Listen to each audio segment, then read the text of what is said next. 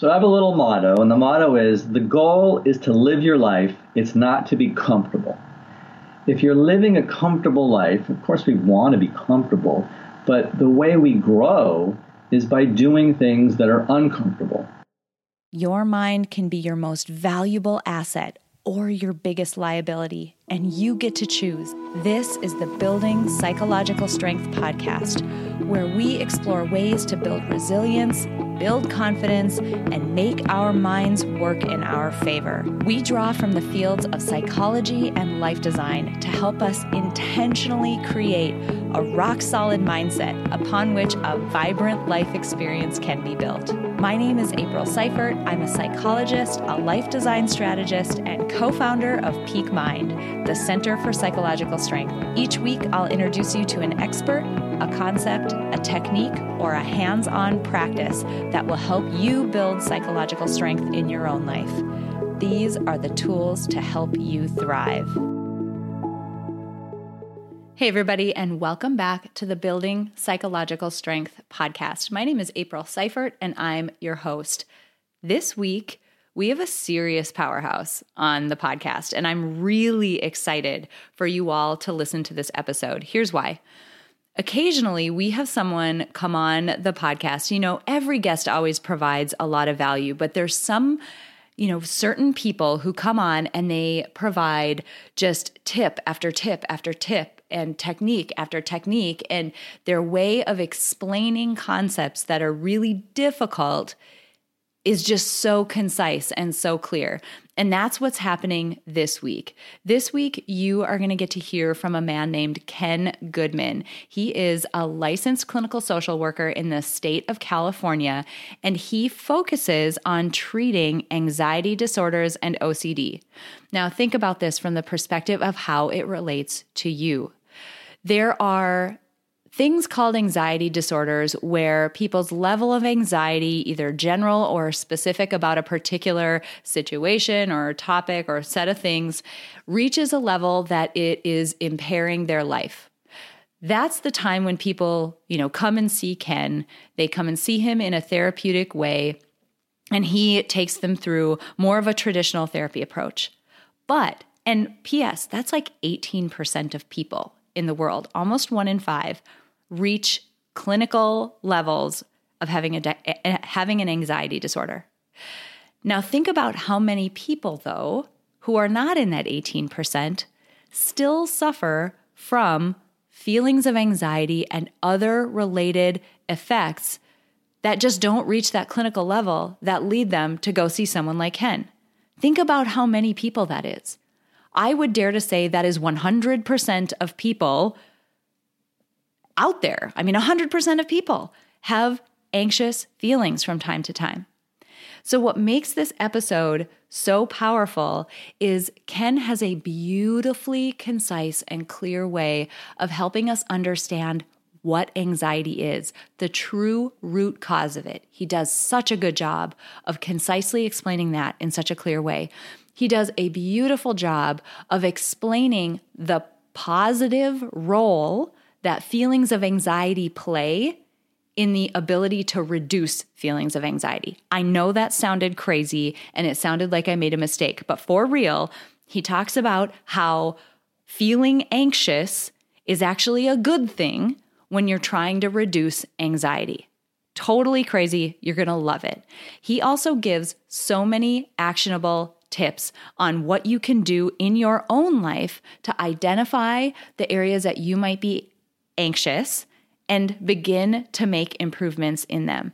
He's also got an upcoming webinar that I want to let you guys know about. He talks about it during the episode too, but it's on December 7th. He's going to be focusing on health related anxiety.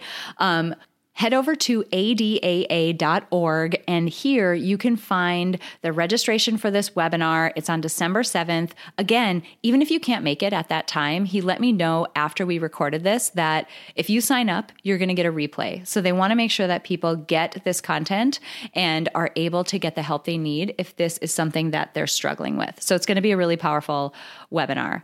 Ken is, speaking of the ADAA, Ken is a board member of the Anxiety and Depression Association of America. So he's really one of those people who is on the forefront of treating anxiety and depression, two of the most common, common, common um, issues that people suffer from, and so many more people than that. Even you know, if you take into account uh, people who don't reach a clinical level. So, this episode is so wonderful. We're so appreciative of Ken for taking some time to come and share his expertise and all of this actionable information with us. I can't wait for you guys to hear it.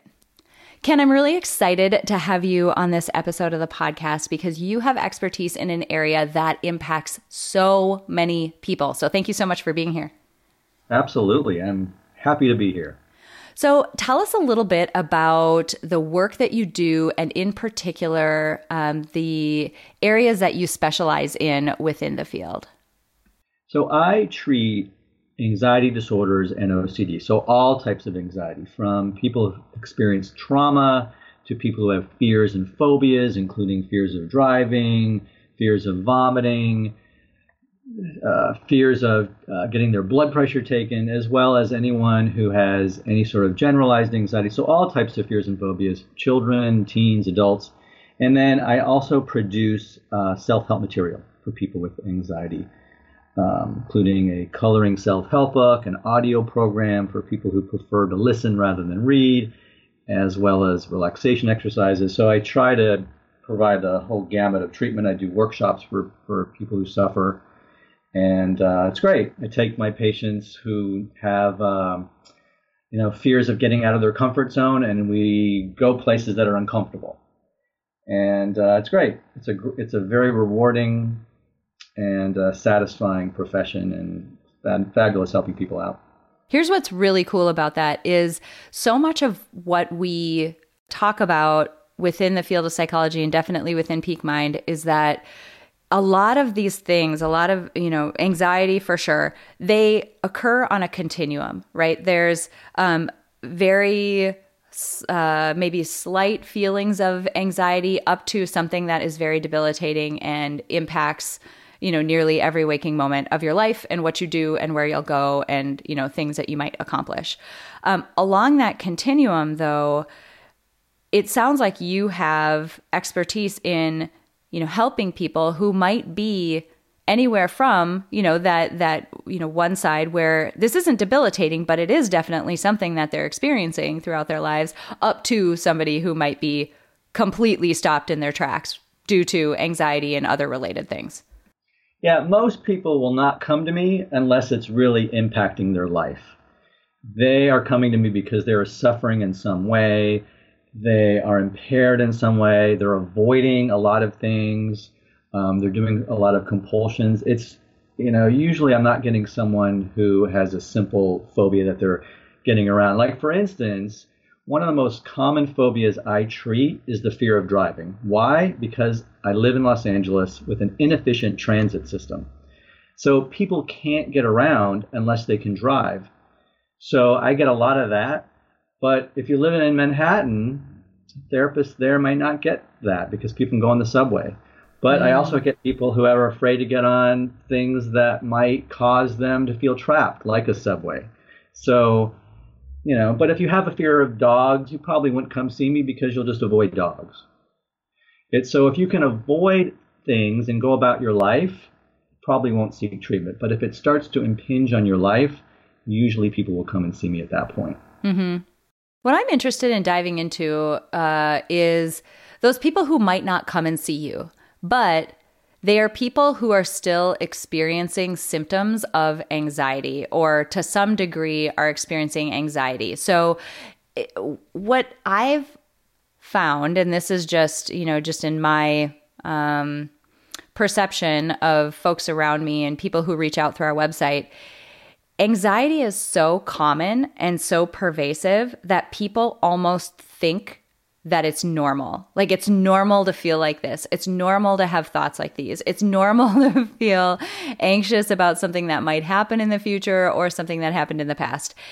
Can you speak to that a little bit? Because these are folks who are likely under that threshold that you mentioned, where they aren't at the point where their life is completely impaired, but they're still having thoughts and feelings that are associated with anxiety that um, are still causing them some discomfort day to day.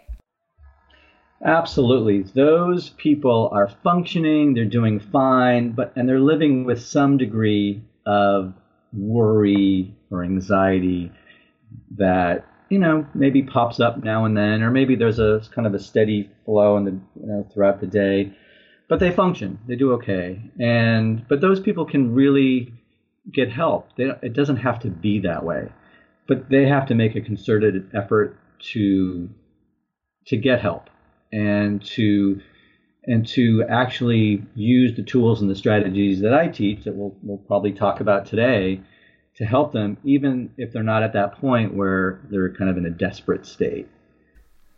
So maybe we can start with I always love starting at a very foundational place, and that is from the place of recognizing. What are some of the things? I mean, let's just shine a bright light on that dark corner that people might be walking around thinking, maybe not even recognizing some of the symptoms that you, as a clinician, you, as somebody who's an expert in the field, would classify as oh yeah that that thing you're describing that's that's pretty much a symptom of anxiety. When your when your mind does that that's what that means. Um, can you give us sort of a laundry list of what those would be again from that perspective of we're not at the point where you're not leaving your house? You know it's not that debilitating but the right. symptoms that somebody just in their day-to-day life would experience that they might not even realize that they are anxiety. By the way it's not uncommon to have a patient come into my office and they're let's say in their 40s or their 50s and for the first time in their life it's really taken hold and they're debilitating. And then we talk about well have you experienced this before? No. But when i really think back at it i have been anxious quite a bit through my life but it just wasn't at that point where it became a problem. And so it can kind of you know be at that level for a while. So one of those, some of those um, signs and symptoms might be. Let's just begin with physical symptoms. So if you experience any sort of physical symptoms uh, of anxiety, which might include anything to do with like your breath, you feel like you can't get enough breath. Maybe your heart is racing. Maybe there's pressure in your chest. There's some sort of abdominal issues.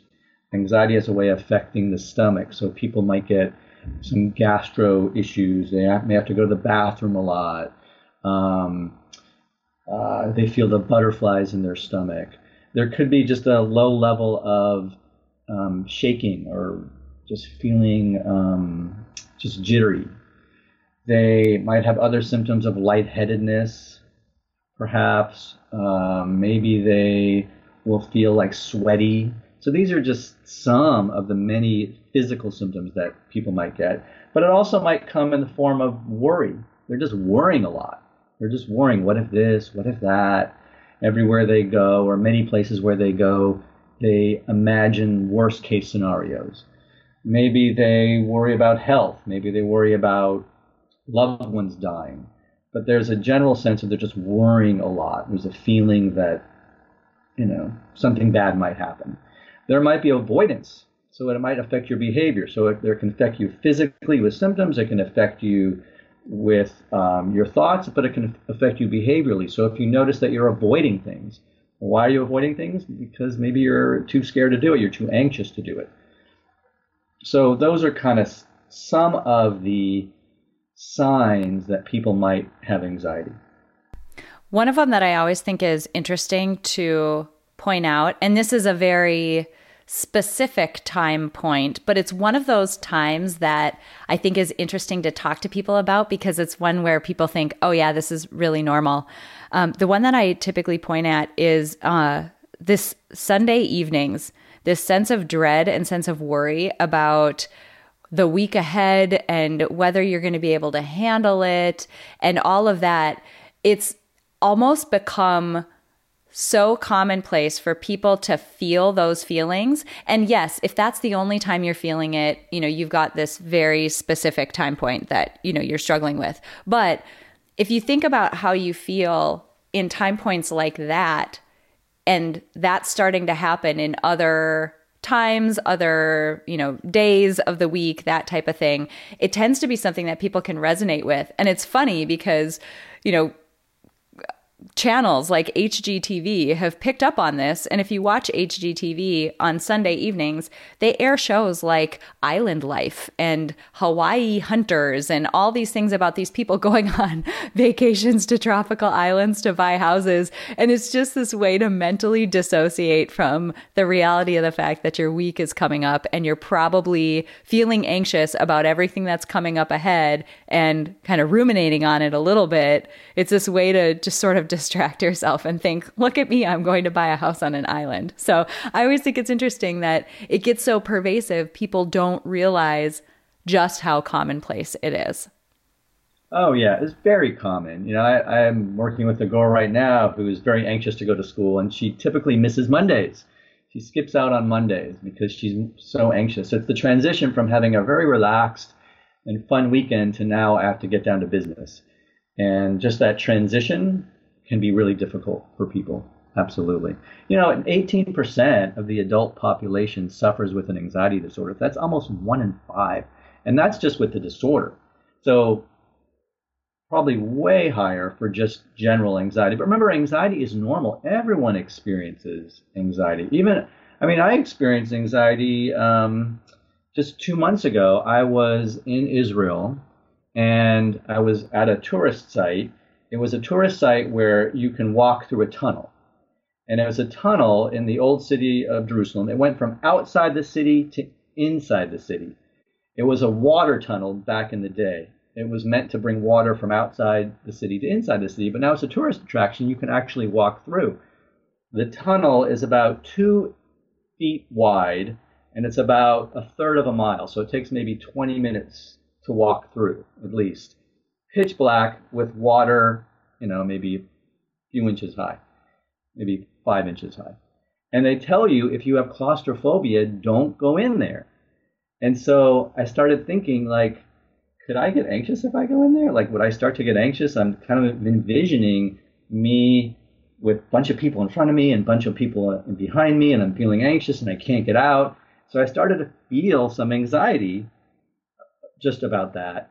And then I thought, you know, I ask my patients to do hard things all the time. Screw it, I'm doing it. I'm mm. going in. Mm. And I, and then from that moment forward, I just stopped worrying about it. I just went in and I actually had a great time. It was fun in there. We had our little flashlights. it was it was pitch black, which probably helped. I couldn't see. Um, it was a great. I had a great time. And actually, the woman behind me said that she actually suffered with claustrophobia at one point. So, you know, I congratulated her. Hey, you you're in this tunnel and you once had claustrophobia. That is fantastic. Because that's not something you have to do. That was completely voluntary, you know? So that was a great experience for me that I it's all so much of anxiety is anticipation. It's believing what your imagination is telling you. And what my imagination was telling me was I could have a panic attack in there. I could get super anxious and be trapped. But that didn't even happen at all. It wasn't even close to that. It was actually fun. That's an amazing example. I love that. I'm wondering. It, brings up, uh, you know, another question. We spoke about this a little bit before we hopped on to record, and that was around um, this notion of doing things that make us feel uncomfortable or doing things that are hard or you know to your point doing things that we feel anxious about and intentionally doing them anyway. And you mentioned you know you take people who feel uncomfortable and you make them go do things that feel uncomfortable. Talk to me about why that works. Like what's up with that? Why is it that you know putting yourself in that position that makes you feel anxious and that you're not comfortable with why is it that that helps quell some of that and and reduce that anxiety that we're feeling by putting yourself intentionally in those situations? So i have a little motto and the motto is the goal is to live your life. It's not to be comfortable. If you're living a comfortable life of course we want to be comfortable but the way we grow is by doing things that are uncomfortable. And that could be with anything. So for instance if I, if someone has social anxiety, they're anxious in social situations, but they really want to take a photography class, well, that means they're going to be around people.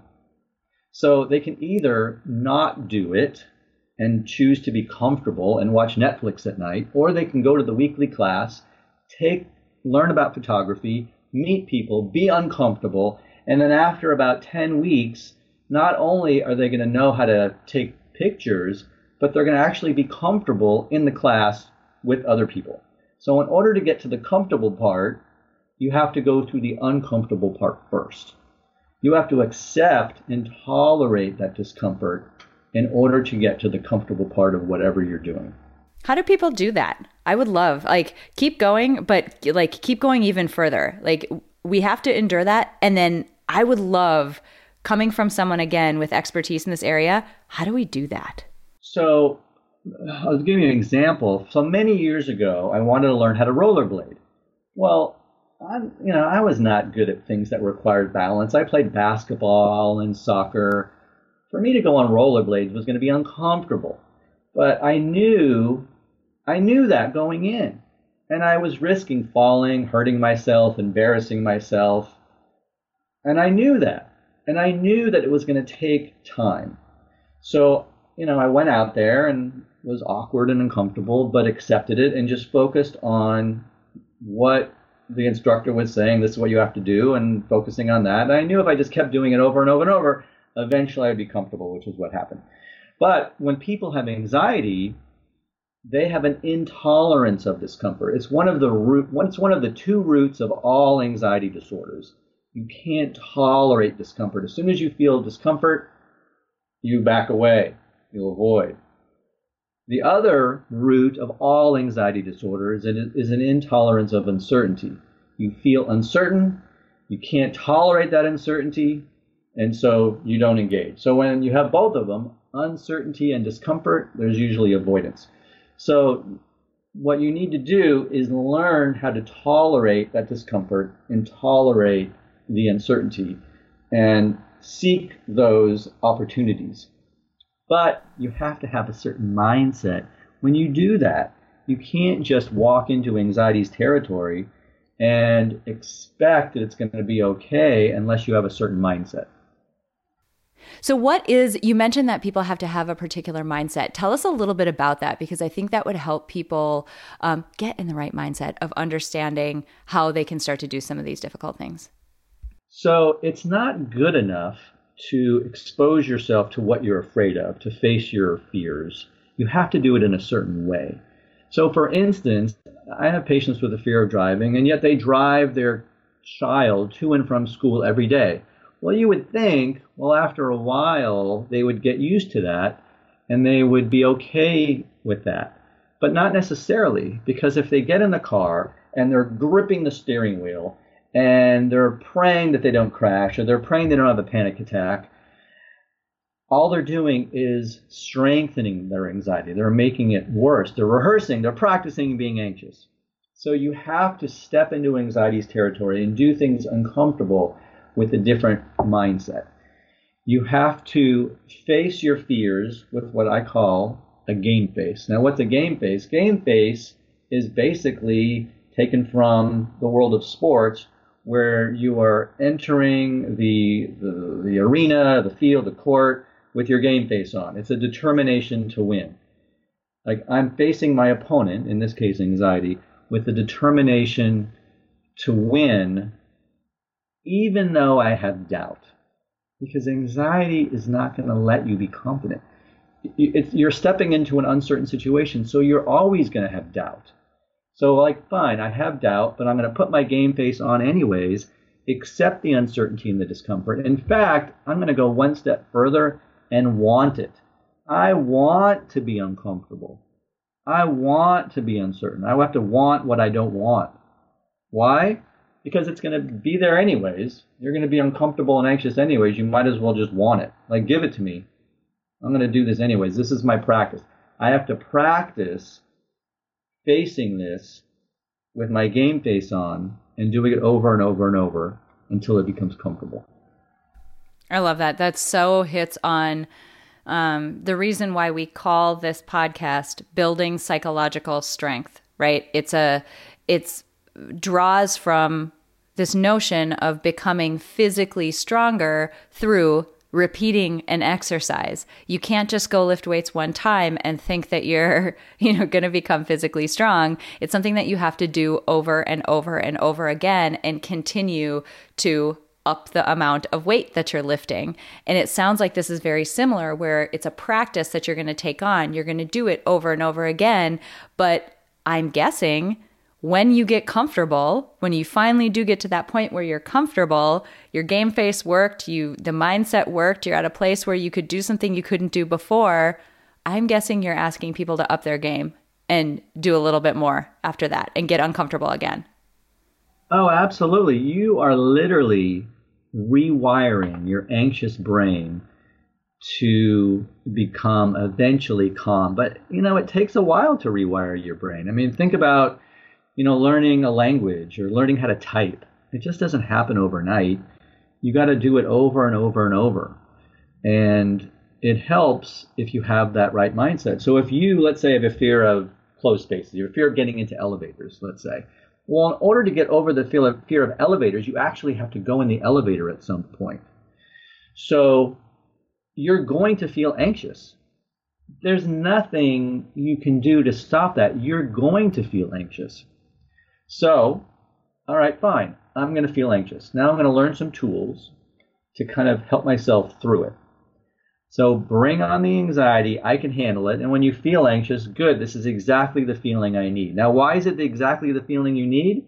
Because in order to get over the fear of elevators, I have to experience the fear first. I got to go into my anxiety to get out.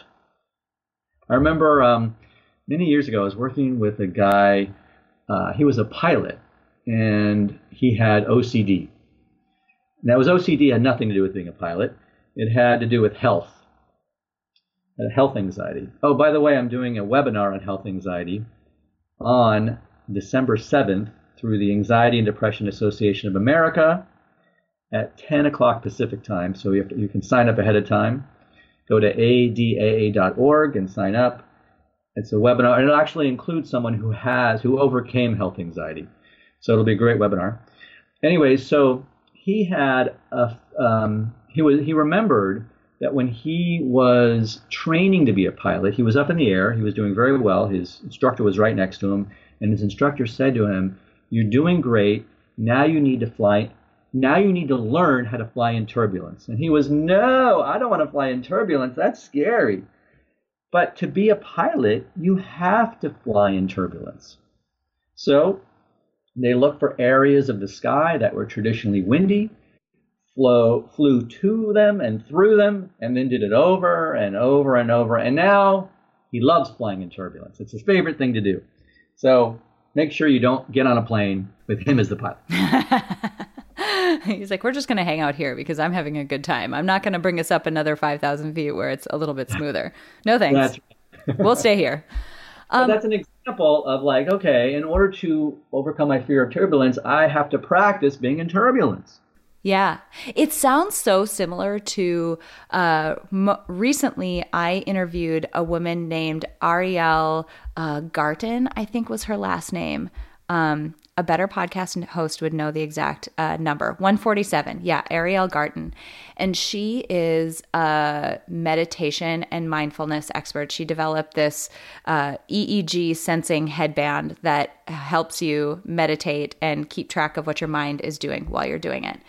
And it's interesting because i think a lot of people get um, get it wrong with meditation and the practice of it because they think that you're doing it wrong if you start to have thoughts. And that's not the case. You you actually sort of want thoughts to happen while you're meditating because the practice comes in recognizing the thoughts and then bringing your mind back to conscious awareness. So if you didn't have any thoughts, there would be no practice there. It sounds so similar to what you're saying about anxiety, where you actually, yes, anxiety doesn't feel good, but you need it to happen in order to overcome it. There's no practice there if you don't actually have the thing that you're trying to get rid of. If it doesn't actually happen, you're not practicing. It's just such an interesting analog. That is 100%. Think about this. If you want to learn how to put out a fire, an instructor or someone has to light a fire first. So the instructor lights a fire, and then you put it out. And then the instructor lights a bigger fire, and you put that out. And then the instructor lights a different kind of fire, like an electrical fire, and you put that out. So the only way to learn how to put out a fire is for someone to light one first.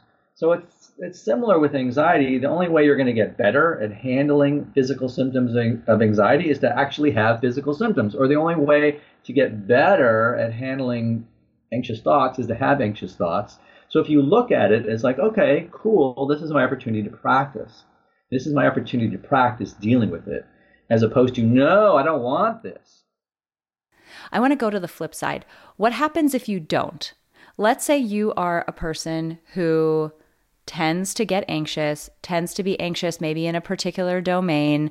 Um, if you don't push that comfort zone, is it possible for it to shrink? Do you know what I'm asking? Like, instead of expanding your comfort zone in the way that we just talked about and making yourself feel more comfortable doing a wider variety of things that are more um, advanced than what you could do in the past, what if you don't? Is it possible for that to, I don't know what the right word is, atrophy? If you're like most people, your mind isn't always your biggest cheerleader. Do any of these thoughts sound familiar? People like you can't do things like that.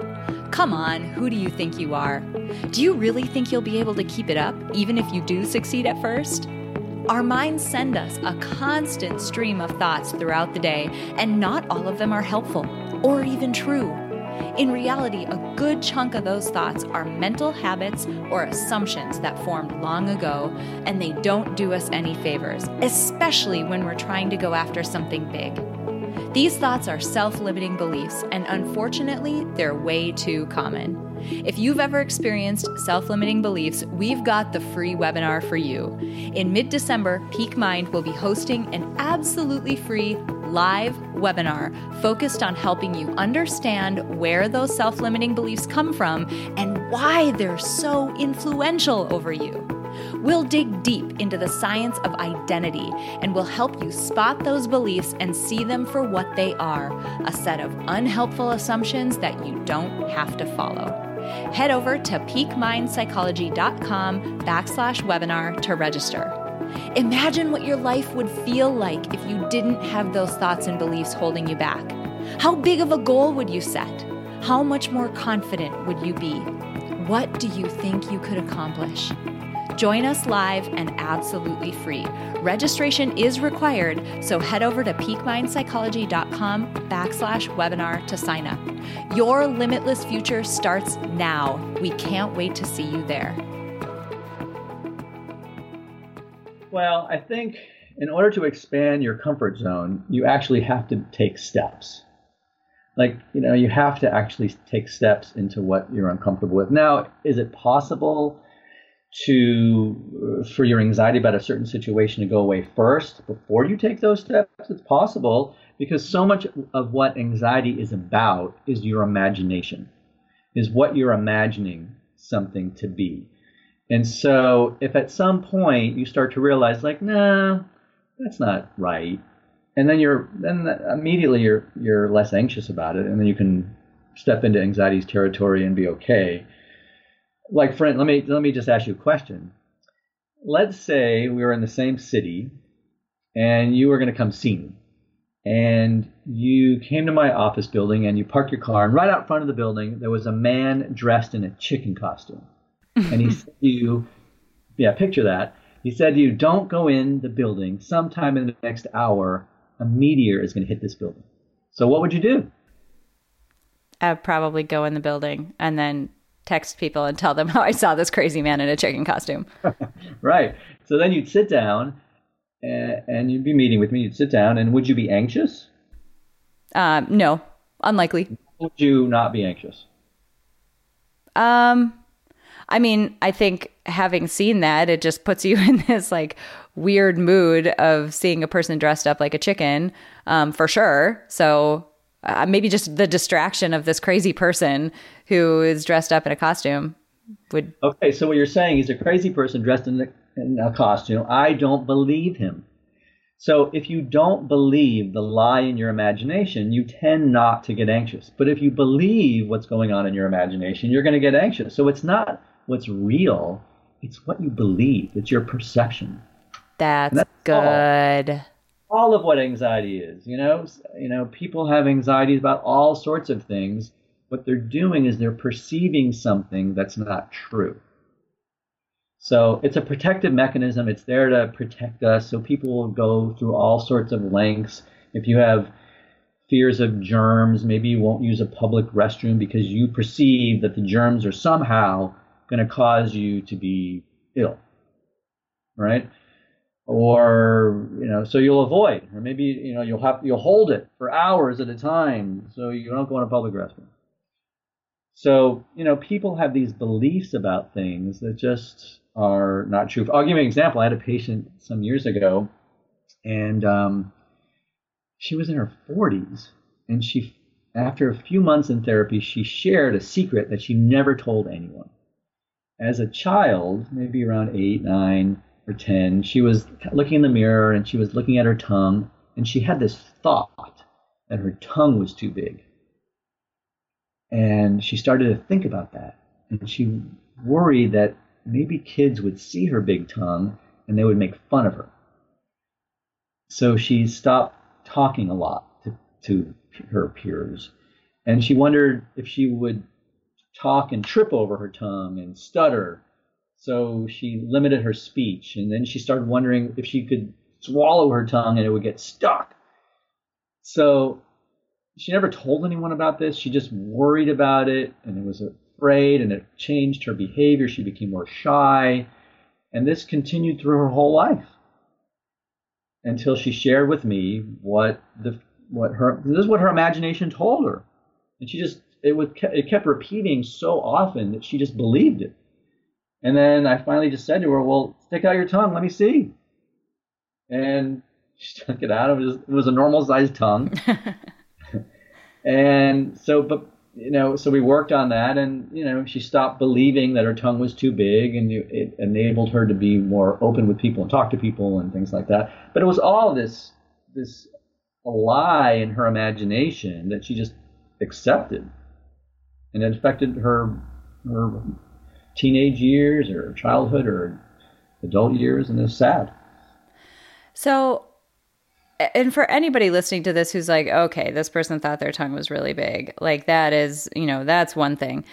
Any, uh, her tongue anxiety is your anxiety about uh, public speaking or talking to new people who you don't know or going to movies or out to eat by yourself because people might judge you or any number of other things that would limit what you would want to do day to day or in your life. So or, her or tongue thing. Right, exactly. Just traveling and having to walk, go through the TSA line. You know, I'm anxious about going through the TSA line. Just any little thing that's causing you some anxiety. Right. So her tongue thing is your whatever your thing is.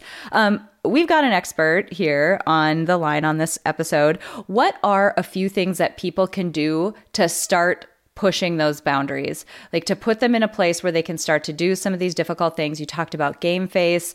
Um, give people some just practical, like if you were going to dictate what people go do later on today after they've heard this episode to start working on an area that they might feel some anxiety in, what would you have them go do? So, first, it's identifying what that thing might be. And then it's understanding that at the root of it is an intolerance of discomfort and uncertainty. Like, okay, I, it's hard for me to tolerate these things. Now, some people might do them anyways. So, some people might have anxiety about giving speeches, but they give them anyways. Or some people have uh, anxiety about driving, but they do it anyways. They kind of suffer through it. So, we need to begin to identify what thoughts are you having? you might want to write those down. Like, what thoughts do I have about this particular thing? Because it's not, it's, you know, it's your content. Someone else's content is different. But what's, what are your thoughts about your content? So, for instance, if it's public speaking or staying in the TSA line, what am I actually anxious about? And so I would write it out. What if the TSA, TSA person stops me and frisks me? or you know, what if I'm late for my plane. I mean, whatever happens to be, write all those worrisome thoughts out. Write them all out as specifically as you can. That would be the first step. And then change it so that you're writing it in the second person. So it, let's say, for instance, um, you're worried about being late for the plane. So you would write, um, your initial th- thought would be, what if I'm late for the plane? But now you're going to change in the second person. It's going to be, what if you're late for the plane? So now I'm going to have anxiety talking to you. Anxiety is going to be talking to you, and anxiety is going to be saying to you, what if you're late for the plane? What if you miss your flight? What if you give the speech and you mess up? What if you turn red? What if people laugh at you? So now you're writing it in the second person as if anxiety is talking to you. So now let's look at it like a mental game where anxiety is saying these things to you and trying to punk you, trying to push you around, lie to you, trying to get you to not do it, trying to freak you out. He's saying these things to you. So what I'm doing is I'm externalizing anxiety. I'm taking it out of me, and I might even personify it. I might even give it a face. Sounds kind of silly, but it works. I'm going to give it a face and say, okay, that's the guy messing with me. He's saying he's saying these things to me. So now I'm no longer struggling with myself. I have an opponent who is trying to mess with me. And my job is to not let him mess with me. I love that approach. It's it's a difficult thing for people to do to and I'm sure you've noticed this with with people that you've worked with. It's a difficult thing for people to do to divorce themselves, like their self from the thoughts they're having. Like the thoughts are a separate thing. They aren't you. You don't have to believe every one of them. They're just things that are happening. And it's a lot easier if you do what you said and flip that around and, you know, word them in a way that it sounds like someone else is speaking to you and actually give them a face and a name. It's a lot easier to just wrap your mind around the fact that those thoughts aren't you when you have them characterized as someone other than you. That's great. Exactly. I love 100%.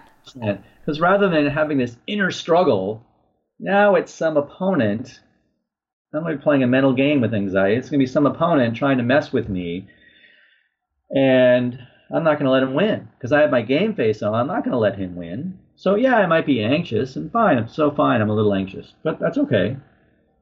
That's fine. I'm going to do this anyways, but I'm not going to believe the the crap that he's dishing out. So when he says, "Oh, you're going to be late for the plane," well, I haven't been late for. I've never been late for the plane. Why would I be late this time? So he's just lying to me. So no, I'm not going to believe that. Whatever. So I'm going to respond and then turn away. Anxiety is going to try to mess with me.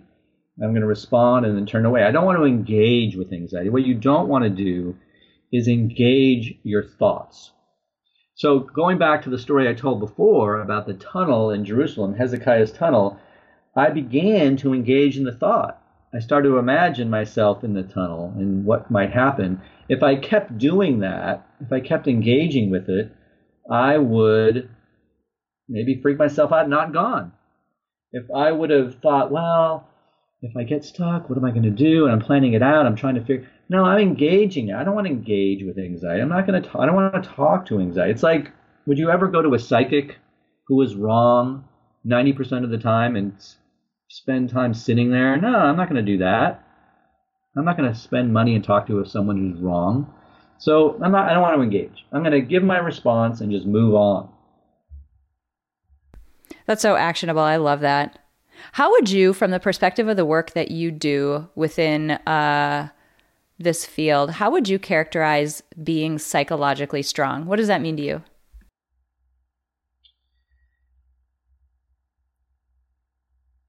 I think it has to do with the courage to face fears with persistence. To be able to do things you're uncomfortable with and know that it's not going to go great the first time. I just have to be persistent with it and learn from my, you know, learn from the experience.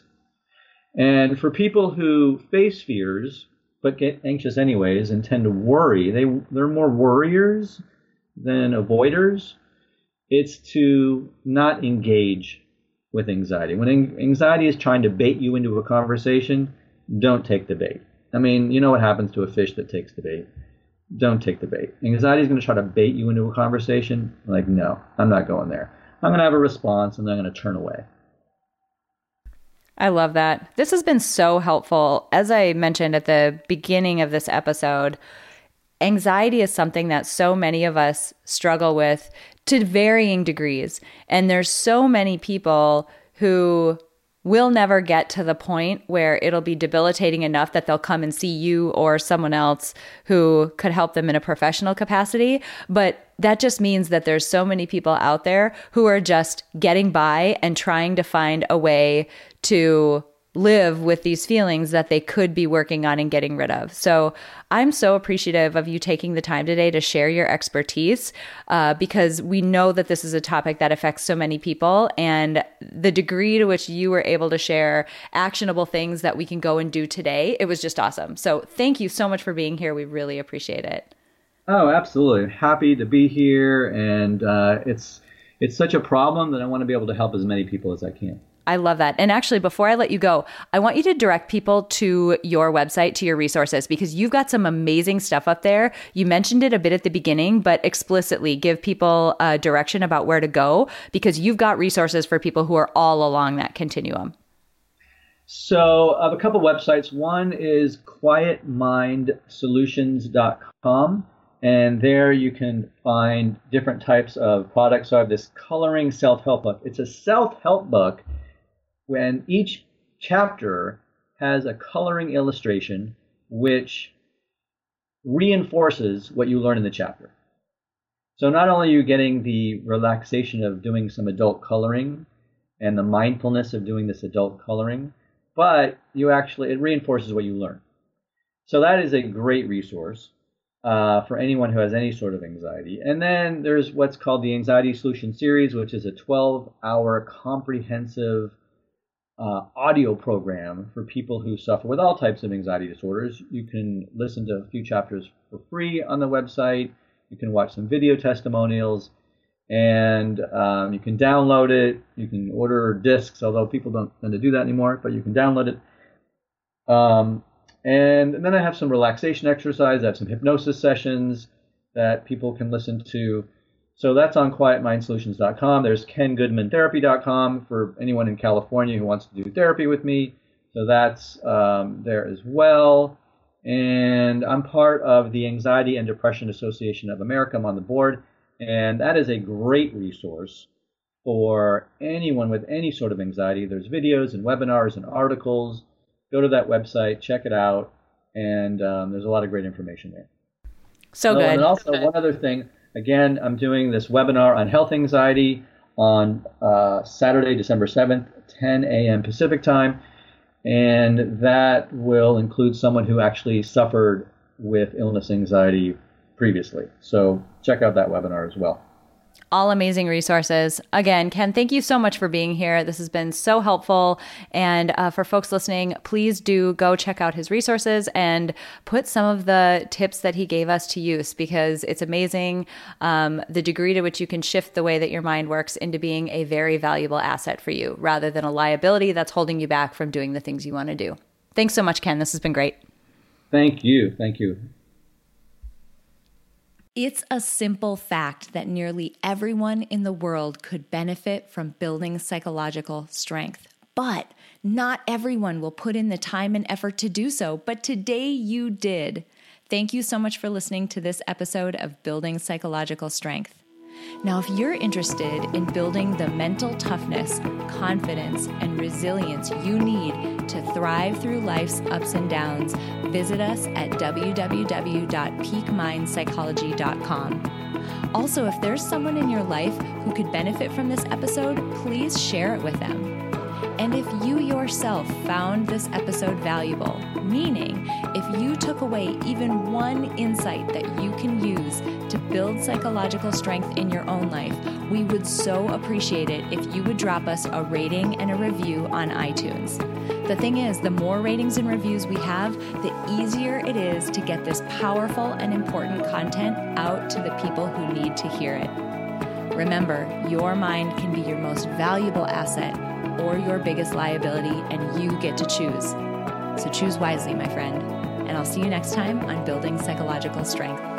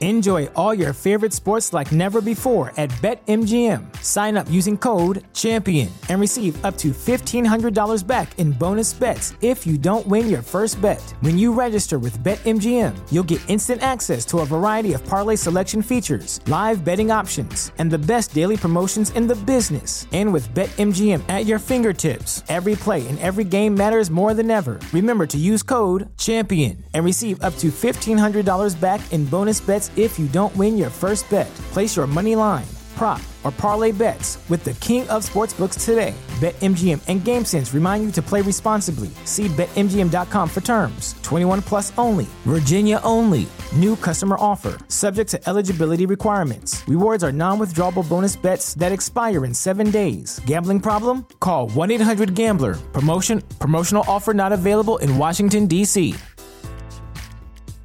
At Parker, our purpose is simple.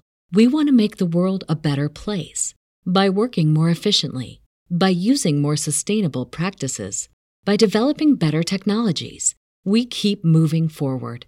With each new idea, innovation, and partnership, we're one step closer to fulfilling our purpose every single day. To find out more, visit parker.com/purpose. Parker, engineering your success.